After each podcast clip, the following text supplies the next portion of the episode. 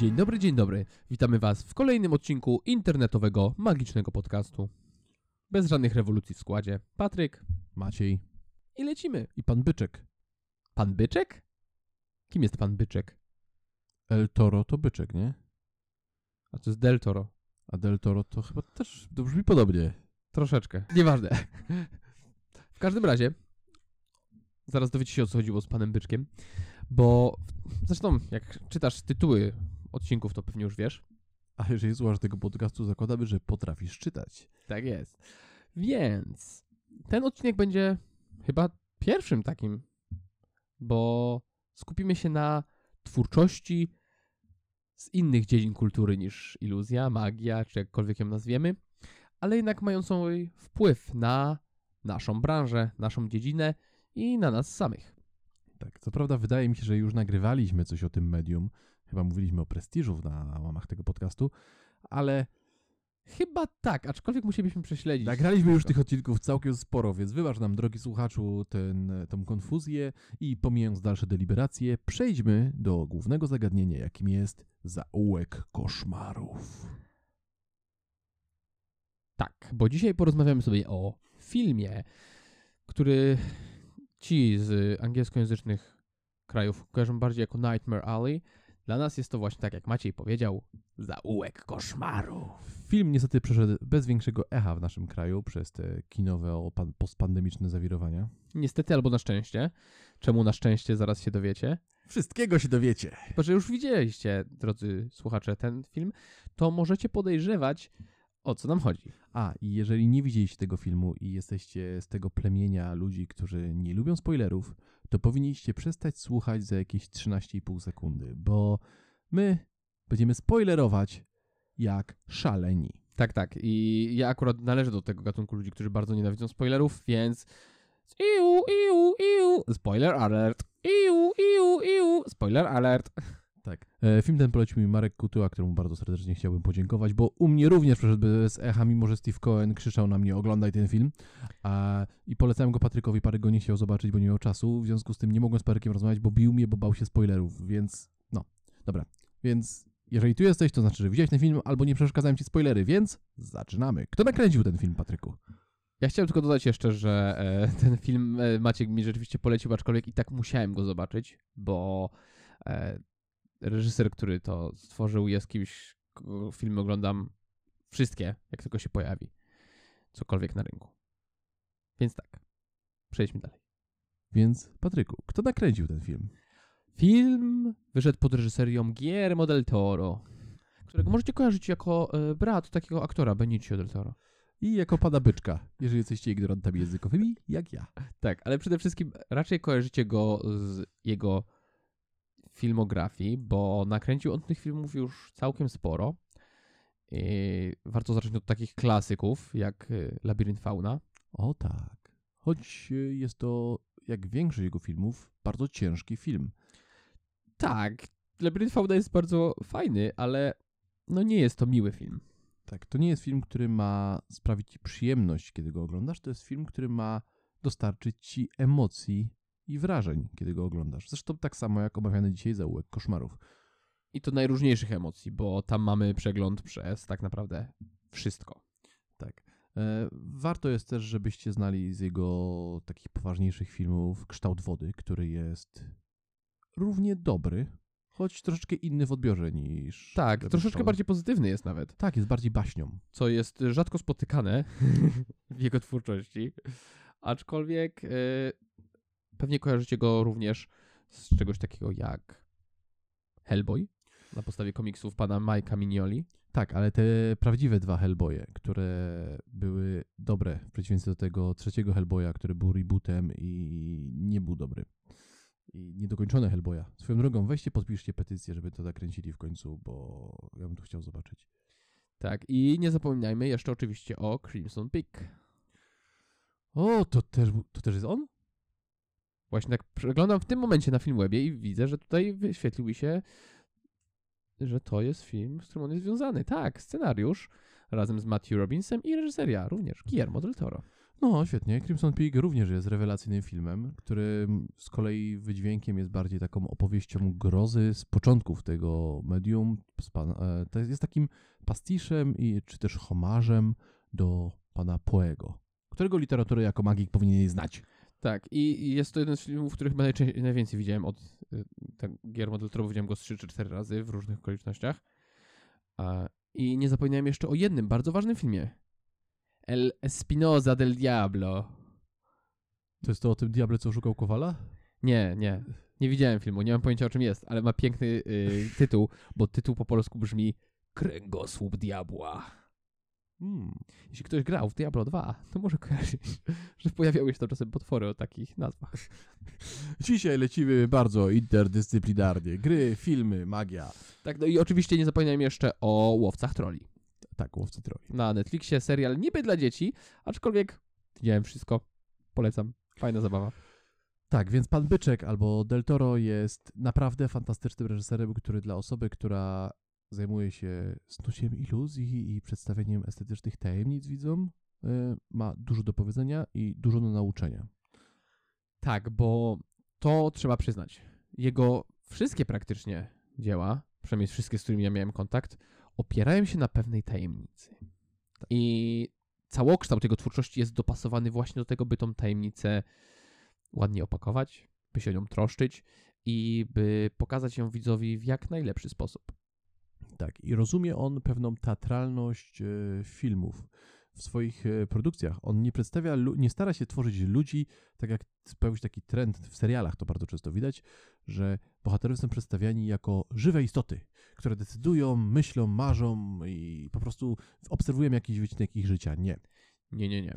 W jego filmach jego bohaterowie służą tylko do tego, żeby opowiedzieć dobrą historię. Tak, on wie, że bohater właśnie służy do opowiedzenia historii i nie jest człowiekiem, bo hej, jest tylko wymysłem. I nie ukrywa tego przed sobą ani przed swoimi odbiorcami. I ma to pewne konkretne znaczenie dla oglądacza tego filmu, czyli ciebie i mnie. Ma to pewne konkretne przełożenie na to, jak bohaterowie i co przeżywają ci bohaterowie w jego produkcjach. I ma coś jeszcze, o czym będziemy mówić już za chwilę, kiedy przejdziemy do meritum tego odcinka. Bardzo ważne w jego filmach jest to, że pojawia się tam prawie zawsze, chyba zawsze, Nie spotkałem jeszcze filmu, w którym by nie było. magia. Magia. Ale to magia przez duże M. Tak jest. Bo magia jest nieodłączna w jego twórczości.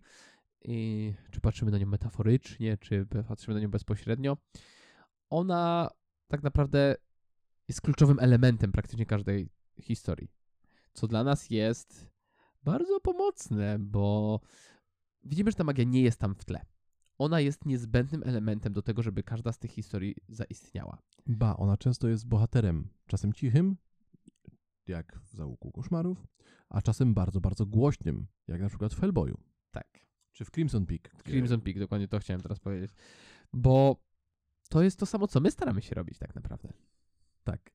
I on robi coś, czego magicy często nie robią i ja uważam, że to jest błąd, bo magicy, i ja też jestem winny tego zaniedbania, często przedstawiają magię jako głównego bohatera swojego przedstawienia. A tak nie powinno być. Czemuż to, twoim zdaniem, Macieju? Bo magia dzieje się wewnątrz umysłu widza, co będzie bardzo dobrze widać, e, kiedy będziemy omawiać już e, zaułek koszmarów. I magia w ten sposób jest tylko bohaterem, jednym z wielu, jego produkcji. Aczkolwiek może być głównym bohaterem i wydaje mi się, że tutaj to akurat jest zależne od tego, jak kto z nas podejdzie, bo w niektórych przypadkach ta magia jest głównym bohaterem też u niego. Mm. Rozwiń, proszę. Może ale, być. może, ale może pomińmy to, bo to wywołało nas tej dyskusję na długie godziny albo nawet i dni, więc zostawmy to. Tak, bo nasze dyskusje nie liczy się godzinami, tylko dniami. A czasem miesiącami. Więc magia jest w każdym jego filmie i w Zaułku Koszmarów magia jest bardzo na widoku, mimo że są dwa rodzaje magii. Tak, są tam dwa rodzaje magii, ale do tego przejdziemy dalej jeszcze, bo jest jeszcze jedna bardzo ważna rzecz, na którą trzeba zwrócić uwagę. Guillermo del Toro za każdym razem, jak pokazuje historię, magię czy tajemnicę, ma swoje konkretne poczucie estetyki, które przepycha tam.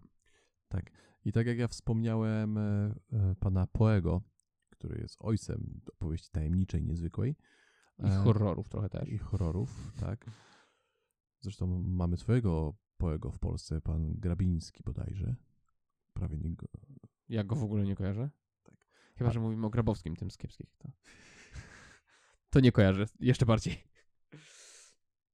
I on ma to swoje poczucie estetyki, takie dosyć konkretne. Te magiczne istoty zazwyczaj wyglądają troszkę na jedno kopyto. Magia też u niego jest prezentowana bardzo podobnie, co moim zdaniem jest bardzo ważne do e, wchłonięcia do umysłu dla każdego magika, iluzjonisty, bo estetyka u nas też może być pomocna w życiu. E, Zdecydowanie tak. I jeżeli byś chciał, żeby twoje pokazy, może nie te w restauracji czy na weselu, ale te biletowane były bardziej niezwykłe, bardziej tajemnicze, bardziej takie mięsiste, to dużo możesz się nauczyć od pana Byczka i zdecydowanie dużo możesz wyciągnąć za łuku koszmarów, o którym musimy porozmawiać. Wypadałoby w końcu to jest odcinek o tym filmie, więc powoli, powoli zbliżamy się do tego właśnie momentu, kiedy zaczniemy mówić o konkretach. Zatem, o czym jest zaułek koszmarów?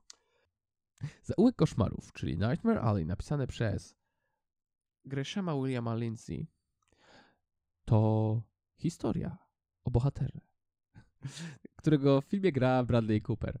I nasz główny bohater trafia po różnych swoich przeżyciach i perypetiach, nie no, po, po dosyć krótkim, ale tajemniczym wstępie, trafia do obwoźnego cyrku w pierwszej połowie XX wieku. W pewnym momencie nawet mamy zaznaczoną datę. Mamy zaznaczony 1 września 1939 roku, po tym, że zostało wspomniane, że jakiś taki mały Austriak zaatakował Polskę. I to, co jest bardzo istotne w tym wstępie, który jest, tak jak Parek wspomniał, bardzo krótki, jest on idealnym, magicznym wstępem. Gość, e, tak jak my, wielu z nas, zakleja kopertę i wiesza ją na scenie i dopiero na końcu widzowie dowiedzą się, co jest w tej kopercie i wiedzą, że na końcu dowiedzą się, co w tej kopercie jest i chcieliby się dowiedzieć, ale nie wiedzą i nie mogą się dowiedzieć. Nie dowiedzą się, dopóki show się nie skończy. Tak samo tutaj jest. Człowiek, dosłownie nasz główny bohater, antagonista, to znaczy protagonista. Protagonista. E, choć nieważne, e, dosłownie pali swoją przeszłość. Zamyka drzwi i odjeżdża w dal. Rozpoczyna się opowieść drogi. Dokładnie. I nasz bohater trafia do obwoźnego cyrku, przechadza się, ogląda go, po czym pewnym zbiegiem okoliczności zaczyna tam pracować. Przy składaniu cyrku, przynoszeniu rzeczy, taka prosta robota. I jeżdżąc tym cyrkiem trafia w pewnym momencie na starego iluzjonistę wraz z jego asystentką, partnerką. U nas- Piękną, choć lekko już wiekową damą. Tak, choć u nas y, zazwyczaj przywykło mówić się, że y, iluzjonista ma asystentki, choć tam mi się wydaje, że oni byli raczej równoprawnymi Tak, oni byli partnerami. duetem. Tak, taki duet, dokładnie. Coś trochę jak De Avasons. I to, co jest bardzo ciekawe, to to, że poznajemy ten świat cyrku razem z głównym bohaterem i widzimy jego piękno, jego żałosność jednocześnie, bo to jednak byli ludzie spoza marginesu społeczeństwa. I kiedy poznajemy iluzjonistę, to iluzjonista z jednej strony jest żałosny jak każdy inny. Jest żałosny dodatkowo, bo jest alkoholikiem, jest zdegenerowany, jest stary, ale on żyje w murowanym domu. Tak, jako jedyny żyje w stałym domu, a nie w obwoźnym namiocie. On sprzedaje ludziom kąpiel w swojej wannie, a jego żona świadczy dodatkowe usługi, takie jak podanie mydełka. A. I to cyrki przyjeżdżają do niego. Tak, bo jednak jest on jakoś zagruntowany w tej społeczności. I w tej społeczności ludzi na marginesie, tak jak Maciej wspomniał właśnie. Ale on tam jest takim elementem nieruszalnym. Tak. I ten iluzjonista jest ciekawą bardzo, bardzo postacią. I z jednej strony nim gardzimy, a z drugiej strony niechętnie musimy uczyć się go podziwiać, bo on wyrzekł się występowania, on w ogóle nie występuje, on zachlewa się na śmierć. Tak, aczkolwiek kiedy zdarza się okazja, że prezentuje to, z czego kiedyś żył i z czym zjeździł cały świat, jak się dowiadujemy, to okazuje się, że wcale taki żałosny nie jest. Tak, on objechał cały świat. On jest dobrze wyedukowanym gentlemanem, który no, skrywa pewną tajemnicę i nie jest to tajemnica jego spektaklu, którą ukrywa w notesiku. Tak. widać też, że jest kosmopolitą, bo nie tylko po angielsku mówi i jest to dla niego takie naturalne. I właśnie jest on taką postacią bardzo kontrastową. Aczkolwiek to też powinno dać nam do myślenia. Tak, i to do tego jeszcze za chwilkę wrócimy. I dzieją się rzeczy, poznajemy ten świat cyrku i poznajemy go w całej jego rozciągłości, w tym jego pięknie, grozie, żałosności i bólu, bo tam jest dużo bólu, dużo cierpienia, dużo wykorzystania drugiego człowieka. Jak w każdym filmie Guillermo del Toro. Tak. I przyznam szczerze, że oglądając ten film zrozumiałem wreszcie fascynację Rickiego Jaya tym światem. Tak, to jest dokładnie ten świat, y, który tak właśnie Ricky J uwielbiał, o którym pisał książki, o którym pisał czasopismo swoje i to była jedna z jego największych pasji poza samym, poza samym występowaniem. I przechodząc dalej, nasz bohater zaczyna uczyć się od wspomnianego już iluzjonisty, którego trochę podziwia, trochę nim gardzi, tak jak i my, jako widz. I jednak widzi potencjał w tym, co on ma do zaoferowania, a przede wszystkim w tej tajemnicy, która kryje się w małym, czarnym notesiku. I po jakimś czasie uczy on się i w pewnym zbiegu okoliczności nasz iluzjonista umiera. Nic już nie trzyma naszego bohatera w tym cyrku. Zabiera więc z cyrku największą ślicznotkę, jako że posiadł tajemnicę iluzji, to jest w stanie oszukać miałomiasteczkowego szeryfa, staje się bohaterem swojej małej społeczności, wyrywa na jego ręczną laseczkę i odjeżdża w siną dal. Wraz z notesem w kieszeni. I ciężarówką załadowaną wszelakimi dobrami. i masą marzeń, planów w głowie. I dokładnie plany są tutaj najważniejsze, bo kieruje się on do wielkiego miasta, by stworzyć wspaniałe show mentalistyczne razem z prawie uprowadzoną przez siebie ślicznotką. I następnie przenosimy się w czasie, o dwa lata bodajże do przodu, i widzimy naszego bohatera, jak stoi w pięknym kabarecie czy też klubie i występuje. Tak, jest u szczytów sławy, ma na sobie wspaniały frak, e, opaskę na oczach, damy w bogatej biżuterii z dżentelmenami w jeszcze bogatszych e, zegarkach w kieszonkach i jeszcze z wspaniałymi frakami na sobie. Siedzą, obserwują go, Jak on występuje, ale jak on występuje? Czyta ludziom w myślach. czyta w myślach, odczytuje pozazmysłowo przedmioty, które trzymają w dłoniach. Nawet jest w stanie pokonać wyzwania, którymi publiczność w niego rzuca. Tak. I widzimy go w szczycie chwały i ten, tej chwały, tej sławy nie widzimy, bo widzimy, że jest głęboko nieszczęśliwy. Widzimy, że ślicznotka, którą zabrał ze swojego cyrku, jest już dzisiaj jego żoną i ona też nie jest szczęśliwa. Oni się duszą. Tak, mimo że mają wszystko, to tak naprawdę to nie jest to, czego by chcieli. W międzyczasie e, pojawia się toksyczna kobieta, pojawia się głęboko toksyczny romans, pojawia się niebezpieczny gentleman milioner. Pojawia się bogactwo w zasięgu ręki, Wystarczy tylko podpisać pakt z diabłem, czyli wejść w kłamstwa głębiej niż powinno się wchodzić. I Tak. mimo ostrzeżeń nasz bohater robi ten krok. mimo wielokrotnych ostrzeżeń, mimo zasad, które wcześniej zostają przekazane, łamie on e, podstawową zasadę, której miał nie łamać. Tak naprawdę chyba jedyną tak głównie zaznaczoną. I z tego wywiązuje się ciąg różnych wydarzeń, które kulminują się w finale całego dzieła. Tak, bo musicie wiedzieć, że to dzieło jest tragedią. Jest tragedią w rozumieniu greckim, wyprowadzonym bodajże przez Arystotelesa. Tak, nie mówimy, że jest tragiczne, że nie powinniście go oglądać, wręcz przeciwnie. Jest tragedią w takim klasycznym rozumieniu tego słowa. Bohaterowie przeżywają, decydują, cierpią i przegrywają i obserwujemy to i widzimy, jak te ich losy tak naprawdę nie do końca są zależne od nich. Bo w dużym skrócie, jeśli pamiętacie ze szkoły, to komedia w rozumieniu greckim jest to historia, w której bohater przeżywa przemianę i dzięki temu zwycięża. Natomiast tragedia jest to historia, w której bohater odmawia sam sobie przemiany, nie zmienia się, pozostaje przy swoich wcześniejszych wartościach i ponosi konsekwencje tego, kiedy świat pokazuje mu, że to nie są dobre wartości i warto było się zmienić. Co prowadzi do nieuchronnej klęski ku uciesze i lekcji dla nas wszystkich. Więc bohater przegrywa, kurtyna opada A my zastanawiamy się nad tym, co z tego wyciągamy dla siebie. I oj, jakbyśmy zaczęli opowiadać o wszystkim, co można wyciągnąć z tego filmu, poza wrażeniami estetycznymi, to To nie starczyłoby nam czasu, to fakt. Aczkolwiek jest jedna rzecz, na którą musimy zwrócić uwagę. Hip-hop i nie zmienia się nic. Nie, to nie jest jedna rzecz, która, dla której warto żyć. To jest ta, na którą mamy zwrócić uwagę. A, okej, sorry. W każdym razie, jest w filmie występuje coś, z czym my, jak dobrze wiecie, słuchając nas, staramy się tak troszkę walczyć, jakby. Jesteśmy przeciwni temu. I jak ktoś nas pyta, to zawsze mówimy, że nie, nie, nie. Nie powinny istnieć podatki. Nie, nie, nie, to nie to. To też, ale to nie, nie o to chodzi. Obowiązek chodzeniu w ubraniu po ulicy jest... Jest dobry. To przeciw czemu się przeciwstawiamy? Przeciwko zdradzaniu sekretu. Da, tak. Bo film, chcąc nie chcąc, zdradza pewien sekret. I to sekret, na którym niektórzy ludzie oparli całą swoją karierę. I powiedzieliśmy już nazwę tego duetu dzisiaj. Tak jest. I nie jest to jedyny duet. Takich duetów jest więcej. I zdradzenie tego sekretu nie jest dobre. Dlatego też możemy się troszkę cieszyć, że u nas w kraju film przyszedł trochę bez echa.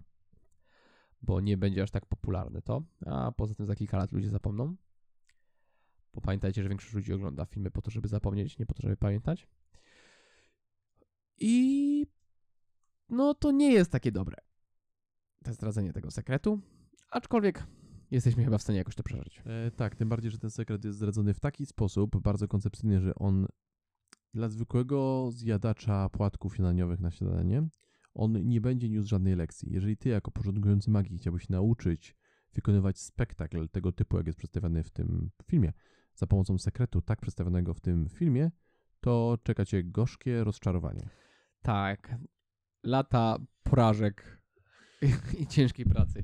Nie no, sekret jest tylko lekko wspomniany, tak naprawdę nie jest dokładnie opisany, co jest akurat dobre. Mimo, że laik będzie myślał, że jest opisany dokładnie. Dokładnie tak. Aczkolwiek wiemy, że Guillermo del Toro ma wśród swoich znajomych wielu naprawdę dobrych iluzjonistów. No, Steve Cohen pracował przy tym filmie i jego scena swoją drogą nie zmieściła się do tego filmu, a jestem bardzo, bardzo ciekaw, co tam się działo. Tak, Steve Cohen z Chamber Magic, znany jako Millionaire's Magician, wystąpił w tym filmie, wystąpił w scenie z Bradleyem Cooperem. Niestety film, e, z tego co czytałem gdzieś, z wszystkimi scenami miał trwać chyba 5 godzin. Z wszystkimi filmami, scenami, które chciał tam mieć Guillermo del Toro, więc dosyć mocno musieli go okroić i postać e, Steve'a Cohena została całkowicie usunięta. Swoją drogą ciekawe, co się dzieje z tymi niewykorzystanymi scenami. One gdzieś tam leżą. Tak, chciałoby się je zobaczyć. Mała dygresja, słyszałem, że chcą zrobić nową wersję reżyserską Władcy Pierścieni. Nikt nie ma na to czasu. Jeszcze bardziej reżyserską. Ain't nobody got time for that! Więc, e, więc sekret jest zdradzony, ale jest zdradzony w sposób taki, moim zdaniem, okej. Na Tak. początku byłem wkurzony, na początku mnie to zabolało, szczególnie w tej scenie, kiedy pierwszy raz jest zdradzany sekret. Tak, bo jest to ta- dla nas jest to taki trochę szok. Nie, nie róbcie tego, nie, nie. To bardziej, kiedy zaglądamy do tego notesu iluzjonisty i tam jest coś, co dla zwykłego człowieka może wydawać się takie wow, a dla nas może być całkiem normalną rzeczą. Tam jest tabelka. Saren, wink wink. Tabelki, słowniczki. A i dużo różnych takich rzeczy. E, więc, więc jest zdradzany sekret, ale my nie przejmujemy się tym dalej. Bo kolejną rzeczą, którą powinniśmy wyciągnąć z tego filmu jest Jest cała jest sama konstrukcja tego filmu i to, jak buduje on tajemnicę. tak, jeżeli chciałbyś się nauczyć robić, tworzyć dobry spektakl, który będzie miał początek, rozwinięcie, zakończenie, klamrę kompozycyjną, to ten film nauczy cię tego.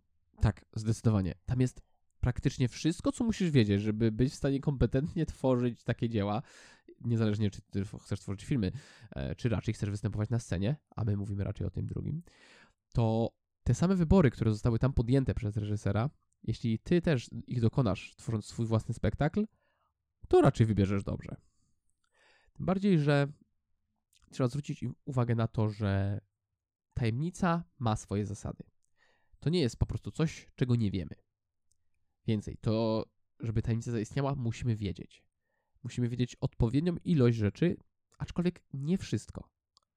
Albo nawet wszystko, tylko w taki sposób, żebyśmy nie wiedzieli, że już wiemy. Znaczy, brzmi to skomplikowanie, ale najlepiej, jeżeli chciałbyś zrozumieć, o czym w ogóle Patryk teraz próbuje tu bełkotać, bo o tym się ciężko mówi tak na sucho, to albo zobacz ten film i wykonaj ćwiczenie. Zapisuj sobie wątki i zobacz, jak jeden wątek prowadzi do drugiego wątku i kiedy te wątki są rozwiązywane. To będzie dosyć skomplikowana operacja i zajmie ci to du- dużo papieru i sporo czasu, ale jeżeli nie masz pojęcia, o czym mówimy, warto, żebyś to zrobił. Albo poczytaj Edgara Allana Poego, bo Laska Szkarłatnego Moru bodajże jest przepięknie napisanym krótkim opowiadaniem, który ma doskonałą konstrukcję. Zresztą Czarny Kot, który jest jeszcze krótszy, ostatnio ukazał się audiobook, znaczy audiobook, takie show wizualno-narracyjne. Wojna idei, tam Szymon tam robi takie rzeczy. E, Wrzucił to, to trwa 15 minut. Też zobaczysz, jak jest skonstruowana tajemnica tam. Ogólnie rzecz biorąc chodzi o to, że wszystkie informacje tak naprawdę dostaje odbiorca na samym początku. Tylko problem jest z dokładną ich interpretacją i poskładaniem ich w całość i to jeszcze w odpowiedniej kolejności. Tak. I jeżeli zrozumiesz to, to zrozumiesz też, dlaczego mówiliśmy, że magia nie powinna być głównym bohaterem przedstawienia magicznego. E, Zresztą o tym za chwilę będziemy jeszcze mówili, bo ten film i proza pana Poego ma wszystkie cechy open prediction, czyli efektu, w którym masz otwartą przepowiednię, kładziesz powiedzmy siódemkę trew na stole i mówisz widzowi, ok, weź sobie karty, potasuj karty, rozdaj karty, zatrzymaj się, odłóż obok siódemki trew dowolną kartę, na której zatrzymałeś i to jest siódemka pik. Oklaski. I ten efekt powinien być wspaniały, ale zaprezentowany w ten sposób jest suchy.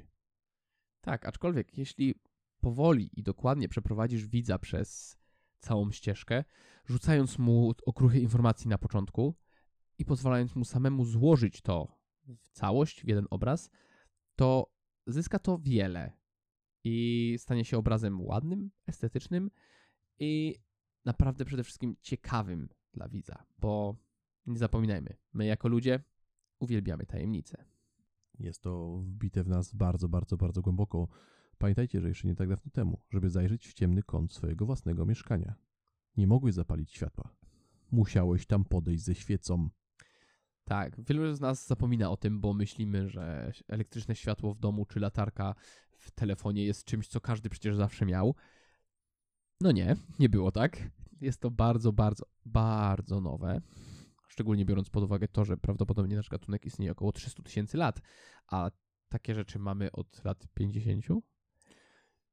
Więc jeżeli przez te długie, długie, długie tysiące lat tak naprawdę naszych przodków coś przestraszyło, to jedynym sposobem dowiedzenia się, co go przestraszyło, było podejść tam. I zaryzykować. A jeżeli nie podszedł, to to, co go przestraszyło, było tajemnicą, było skryte w mroku, więc tajemnica była obecna w życiu człowieka. Oczywiście nie zachęcam do takich eksperymentów nikogo, ale ja to bardzo dobrze zrozumiałem, kiedy pierwszy raz poszedłem na dłuższą wyprawę bez elektryczności. Siedziałem sobie w lesie, nie miałem latarki, nie miałem nic poza tam pochodniami, które sobie kleciłem. I te, to jest zupełnie inny sposób wędrowania po lesie. Tak, to jest zupełnie inny sposób y, tak naprawdę życia, bo przypominasz sobie, że hej, jesteśmy tylko tymi zwierzętami, które mają przeciwstawne kciuki i trochę więcej między uszami niż taka na przykład mrówka, która nie ma uszu w ogóle. I okazuje się, że świat rzeczywiście nadal jest tajemniczy i ciekawy, tylko my po prostu sprawiając, żeby on był dla nas wygodny i bezpieczny, co też ma znaczenie, nie ukrywajmy, odebraliśmy sobie trochę dostęp do tych wszystkich tajemnic dnia codziennego. Aczkolwiek dalej e, tajemnice mają taki syreni śpiew i nas pociągają, dostając właśnie popularność wszystkich tego typu filmów, powieści kryminalnych, etc., etc. Tak, to jest zbite głęboko w istotę tego, kim jest człowiek i jak widzimy świat, więc nie zaprzeczajmy temu, korzystajmy z tego. Tym bardziej, że jeśli drogi słuchaczu jesteś magikiem, to hej, po to tutaj właśnie jesteś, żeby dawać tajemnice. Więc jeżeli chcesz zrozumieć tajemnicę, możesz poświęcić długie lata na studiowanie psychologii, socjologii, historiozofii, antropologii kulturowej ludzkości, albo zobaczyć ten film. E, Albo po prostu posłuchaj naszego podcastu. No może też słuchaj naszego podcastu. A my tu pytamy dalej. Mimo, że to nie jest szybka seria, to powoli trzeba się przemieszczać. Tak, więc powolutku robimy tup, tup, tup. Przechodzimy do bardzo ważnego tematu, który no często nikt nie chce go poruszać, bo może być dosyć drażliwy i chodzi tutaj o etykę w pracy magika. O tak. Bo w filmie jest poruszany pewien bardzo poważny problem etyczny. Mówimy o nim dokładnie, Macieju? Jak myślisz? W skrócie, magia może cię zeżreć, jeżeli będziesz nieetyczny. A dokładnie mówimy tutaj o przywoływaniu duchów. i seansach spirytystycznych. Tak, aczkolwiek ja bym podszedł do tego tematu szerzej, bo tego typu zagrożenia są wszędzie. Oczywiście mentalista jest w stanie i ma moc wywołać w ludziach wrażenie, że czyta w myślach i że gada z duchami i dać im pocieszenie tym, którym nie da się przynieść pocieszenia w inny sposób niż pozostawić ich samym sobie, żeby przerobili cierpienie.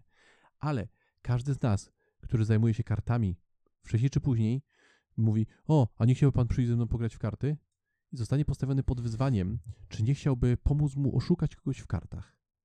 Ten z nas, który zajmuje się dużymi iluzjami, wcześniej czy później, zapyta go jakiś smutny pan, czy nie mógłby mu pomóc skonstruować takiego pudełka, który mógłby przewieźć coś przez granicę. Coś, co nie powinno granicy przekraczać. I każdy z nas, zajmując się tą dziedziną sztuki, wcześniej czy później trafi na taką pokusę. I nie wiem, czy to jest właśnie kwestia ety etyczna akurat, bo wydaje mi się, że to już przechodzimy do problemów bardziej fizycznych, takich jak to, że jeśli ludzie nam wierzą, to w ich świecie to, co robimy, jest prawdziwe i musimy ponieść cenę tego, co robimy. Też to stoi okrakiem na dwóch punktach tak naprawdę, ale ta etyka jest taka, że powinniśmy się trzymać tego, co dobre dla nas i dobre dla naszego społeczeństwa. Tylko, że właśnie to jest też problematyczne, bo nie wszyscy mają takie podejście etyczne jak my. Każdy z nas może mieć tak naprawdę troszkę inny system wartości w głowie. Y, Ma i powinien mieć. Aczkolwiek, jeśli podchodzimy jako magik do pracy magika, to warto, żebyśmy dyskutowali w naszej społeczności na temat tego, takich pewnych uniwersalnych wartości etycznych, jako właśnie magik. Bo jeśli my dajemy komuś nadzieję, mimo że wiemy, że ona jest złudna, to trzeba wiedzieć, jak daleko możemy z tym pójść, żeby ta nadzieja nie zdominowała ich życia. Tak. Bo nie ma nic złego w straszeniu ludzi na swoim pokazie i rzucaniu w nich ektoplazmą. Jest to całkiem zabawne. Tak, też obrzydliwe, ale i zabawne. Ale jest coś złego w klęczeniu przy płaczącej matce, która straciła syna i channelingowanie jej dziecka, mu, który przekonuje ją, że to my jesteśmy jego przyjacielem i ona powinna przepisać na nas jego spadek. Tak. Albo jakiekolwiek inne decyzje wpływające na nią e, przez pryzmat tego, że teoretycznie potrafimy rozmawiać z jego duszą, która odeszła z tego świata. Tak. Nie ma nic złego w graniu w trzy kubki na pokazie. Ale jest już coś złego w graniu w trzy kubki. Na Naprawdę. giełdzie samochodowej. Tak. Bo, pewien e, dobrze zbudowany pan mówi, "E, stary, ja mam dla ciebie robotę, porobisz to na tym, dostaniesz tysiaka, nie? Kto nie słyszał takiej propozycji, niech rzuci kamieniem. Tak. Czy to też to nieszczęsne konstruowanie rzeczy do ukrywania rzeczy. Tak jak ja wspomniałem, takie rzeczy się będą zdarzały i film w piękny sposób pokazuje, do czego prowadzi podążanie za syreną pieśnią propozycji wątpliwej kondycji moralnej. Tak, tak. Lekcje tam są dosyć y, ewidentnie pokazane. Nikt ich tam nie ukrywa. Chyba jest to nawet główny przekaz filmu. I każdy z nas musi się zastanowić nad tym, gdzie jest ta jego własna granica moralna. I pamiętajcie, warto dyskutować o tym w całej naszej społeczności, co warto, czego nie warto, bo hej, może wszyscy dojdziemy do lepszych wniosków niż każdy z nas doszedłby osobno. Po to jesteśmy społecznością. Bo samo to, że ktoś uznaje, że magia jest prawdziwa, zgodnie z rozumieniem tego filmu, nie oznacza, że okłamuje ludzi, bo w tym filmie magia jest bardzo prawdziwa. Tak, aczkolwiek nie jest to tak ewidentne na pierwszy rzut oka. Tak. Bo to jest coś, o czym też wspominaliśmy wcześniej w filmie. Może tego nie widać od razu, ale istnieją dwa rodzaje magii. I na początku mamy już e, wskazówki na to, i dopiero w, tuż przed finałem filmu mamy potwierdzenie, że ten drugi rodzaj magii, ta magia fikcyjna, jakby to ujął Gabi Pereiras, istnieje w tym uniwersum. I mamy to przekazane za pomocą czegoś, co istnieje w naszym świecie. I ma również bardzo mocne konotacje magiczne i bardzo wiele osób w to wierzy. Mimo, że nawet często nie wierzą w magię, to wierzą właśnie w tą jedną rzecz, w ten jeden przedmiot. A nawet jeżeli w to nie wierzą, to się tego boją. Tak. Mówimy tu o kartach Tarota. Uhuhuhu, zimny dreszcz mnie przeszedł. Tak, więc y, karty Tarota występują tam. Bardzo drobną mają rolę, jeśli chodzi o czas, ale mają one rolę niezwykle znaczącą, jeśli chodzi o treść. Bo wskazują na to, że tam właśnie istnieją te dwa rodzaje magii.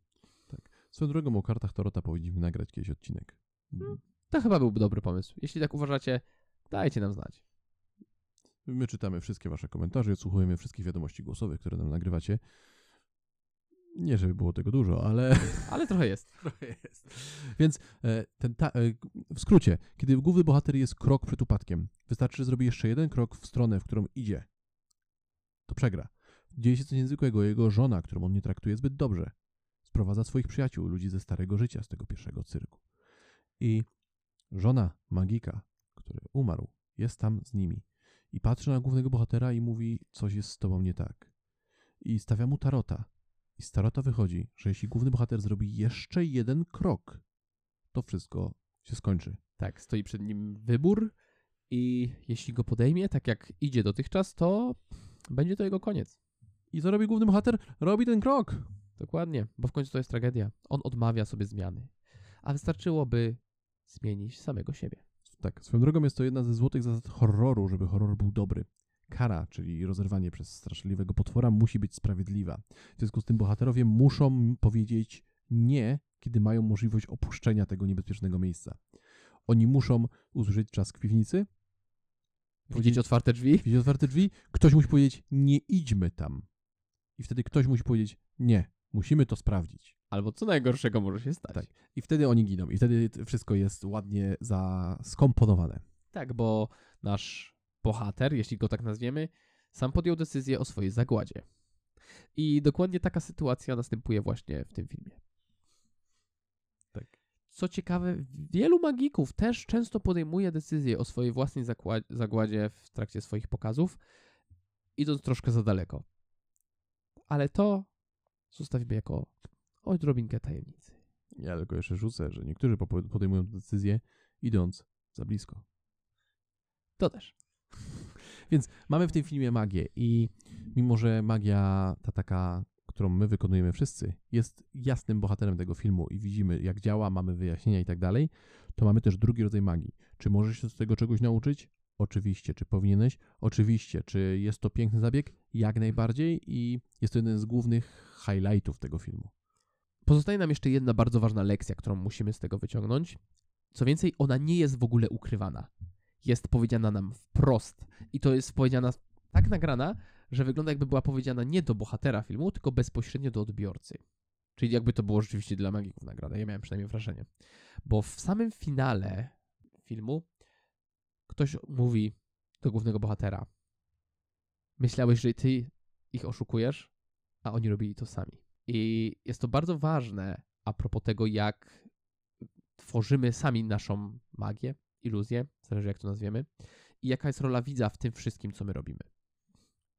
Bo wielu iluzjonistów przypisuje sobie wszystkie zasługi, cały splendor, myśląc, że to oni własnoręcznie stworzyli magię, którą mogli doświadczyć i podziwiać widzowie. No nie do końca tak jest. A bardzo często u tych, którzy tak mówią, występuje, że takie wspaniałe dwójmyślenie kłamliwe, znaczy kłamliwe w stosunku do nich samych, więc to robi im krzywdę tylko i wyłącznie. Bo mówią, pokaz był super, rozwaliłem, byłem najlepszy. A kiedy pokaz nie wyszedł, bo czasem pokazy nie wychodzą, mówią, publiczność była do dupy. Publiczność była do kitu. I jest to niesprawiedliwe, nieprawdziwe i kontrproduktywne, jeżeli chcesz się rozwijać. Tak, bo publiczność ma bardzo ważne znaczenie w e, pokazie. Tak samo jak to wszystko, co my robimy. I przydzielanie sobie zasług, a zrzucanie winy na kogoś innego, no jest bardzo złą praktyką i tak naprawdę odbiera moc rozwoju od wykonawcy. A to chyba nie jest to, co ktokolwiek z nas chciałby robić. Tak, w tym filmie jest pokazane, jak bardzo magia jest prawdziwa dla widzów w tym kontekście, że odbywa się tylko i wyłącznie w ich głowie. Widać, jak w niektórych sylwetkach oni zderzają się z tą magią, konfrontują się z niemożliwym i ta magia ich przebudowywuje. Tak, ich y, świat się zmienia na naszych oczach. I to jest coś, co każdy z nas powinien zapamiętać i wyciągnąć z tego Tak. filmu. Jest też jedna bohaterka, w której magia rzeczywiście uderzyła ją, magia jej przebudowała mózg i chwilę potem magik to zepsuł. Co swoją drogą doprowadziło go do klęski i upadku. Tak, to bardzo, bardzo ważny moment, e, kiedy nasz główny bohater poszedł o krok za daleko i nie był w stanie nawet sobie wyobrazić, jakie konsekwencje go czekają za to. Tak. E, To z tego jest taka też lekcja, że widz powinien być widzem. Jeżeli poznajesz kogoś występując dla niego, to nie wpuszczaj go za kurtynę. Tak jest. Nie chodzi mi o to, że, że cię zabije, ale zresztą prawdopodobnie masz już takie doświadczenia i wiesz o czym mówię. Pewnie każdy z nas ma takie doświadczenia. Jest jeszcze jedna lekcja e, w tym filmie, o którą już, której już napomknąłem i parę lat temu Sebastian Grabowski, którego serdecznie pozdrawiamy, robił szkolenie, na którym ja miałem mały wykład i mówiłem o tym, jak bardzo magia, którą wykonujesz, którą jako, jak pracujesz jako magik, może zniszczyć ci życie. Ten film w doskonały sposób pokazuje, jak łatwo magia może zre- zeżreć twoją duszę i zmienić twoje życie w ścierwo. Tak, bo ona zje twoją duszę, a całą resztę zrobisz już sam. I widać to na przykładzie starszego pana magika na początku filmu, Tak. gdzie widzimy koniec tej drogi, ale w przypadku osoby, która zrozumiała, co się dzieje i wyhamowała, która opuściła występy na królewskich dworach w całej Europie i zdecydowała, że mieszkać w murowanym domu na jakimś zatyłczu, w jakimś dalekim, nie wiem, Gdzieś w Stanach Zjednoczonych. gdzieś w Stanach, na jakimś dzikim polu. Ale nie I- na dzikich polach. nie na dzikich polach. E, I widzimy to później, tą samą drogę, którą kroczy nasz główny bohater, który się nie wycofuje, który podejmuje złe decyzje i musi wypić kielich goryczy, który sobie sam naważył. W skrócie, magia zmieliła go na papkę. Tak, bo co jest ciekawe, on patrzył na e, tego iluzjonistę z pewną litością, z pewną pogardą i myślał, jak on mógł tak, do takiego poziomu doprowadzić swoje życie. I nie spostrzegł, że tamten magik odniósł sukces w porównaniu do tego, co czekało na niego już Tak. za rogiem. Tak, ja to często powtarzam i parę osób się ze mnie śmieje, może nawet więcej niż parę, ale praca w showbiznesie, a bycie magikiem jest pracą w showbiznesie i jest niebezpieczna. Ci wszyscy aktorzy, te wszystkie modelki, ci wszyscy super znani, super śliczni, super bogaci ludzie nie biorą narkotyków, nie chodzą na terapię, nie niszczą sobie życia dlatego, że są szczęśliwi. Oj nie, to wszystko ma wyglądać dobrze z zewnątrz, bo to jest rozrywka. Rozrywka musi wyglądać dobrze, musi być estetyczna. Ale życie rozrywką ma swoje ryzyka i warto zdawać sobie z tego sprawę. Tak. W tym pięknym bucie, który chcesz założyć na stopę, może siedzieć skorpion. Dlatego każdego dnia powinieneś uważnie oglądać tego buta przed wzuciem go na stópkę. Tak, swoją drogą bardzo fajnie, że udało się użyć słowo wzuć. Tak, bardzo lubię słowo wzuć. Więc to jest taki, takie ciche, ciche przesłanie, które ja często powtarzam i szczególnie, jeżeli jesteś młodym magikiem, miej to na uwadze, że magia zeżarła już nie takich jak ty. Tak, wszyscy, którzy są starzy, mogą wyglądać na trochę bardziej żałosnych niż, tak powiedzmy szczerze, bo często tak się na nich patrzy, a my nie wiemy, jaką drogą oni przeszli. Oni mogli być o wiele lepsi, o wiele twardsi i tak naprawdę podejmować lepsze decyzje niż my. Tak. I mówię o tym dlatego, że prawdopodobnie masz przed sobą wspaniałą przyszłość, prawdopodobnie osiągniesz wspaniałe rzeczy, więc dbaj o siebie i nie pozwól, że magia zeżarła cię i zmiażdżyła cię, bo straciliśmy naprawdę ogromne ilości iluzjonistów. Nie bez powodu iluzjoniści bardzo często umierają przedwcześnie. Mimo, że nie pracują fizycznie i nie giną na wojnach. Tak. I moim zdaniem ten film jest pełen różnych lekcji, nie tylko tych, które tutaj wymieniliśmy. Jak dla mnie, po zobaczeniu go siedziałem, myślałem, bo to jest jeden z tych filmów, który to nie jest tak, że on się kończy i ty wstajesz i idziesz dalej robić to, co robiłeś. Nie, nie, nie.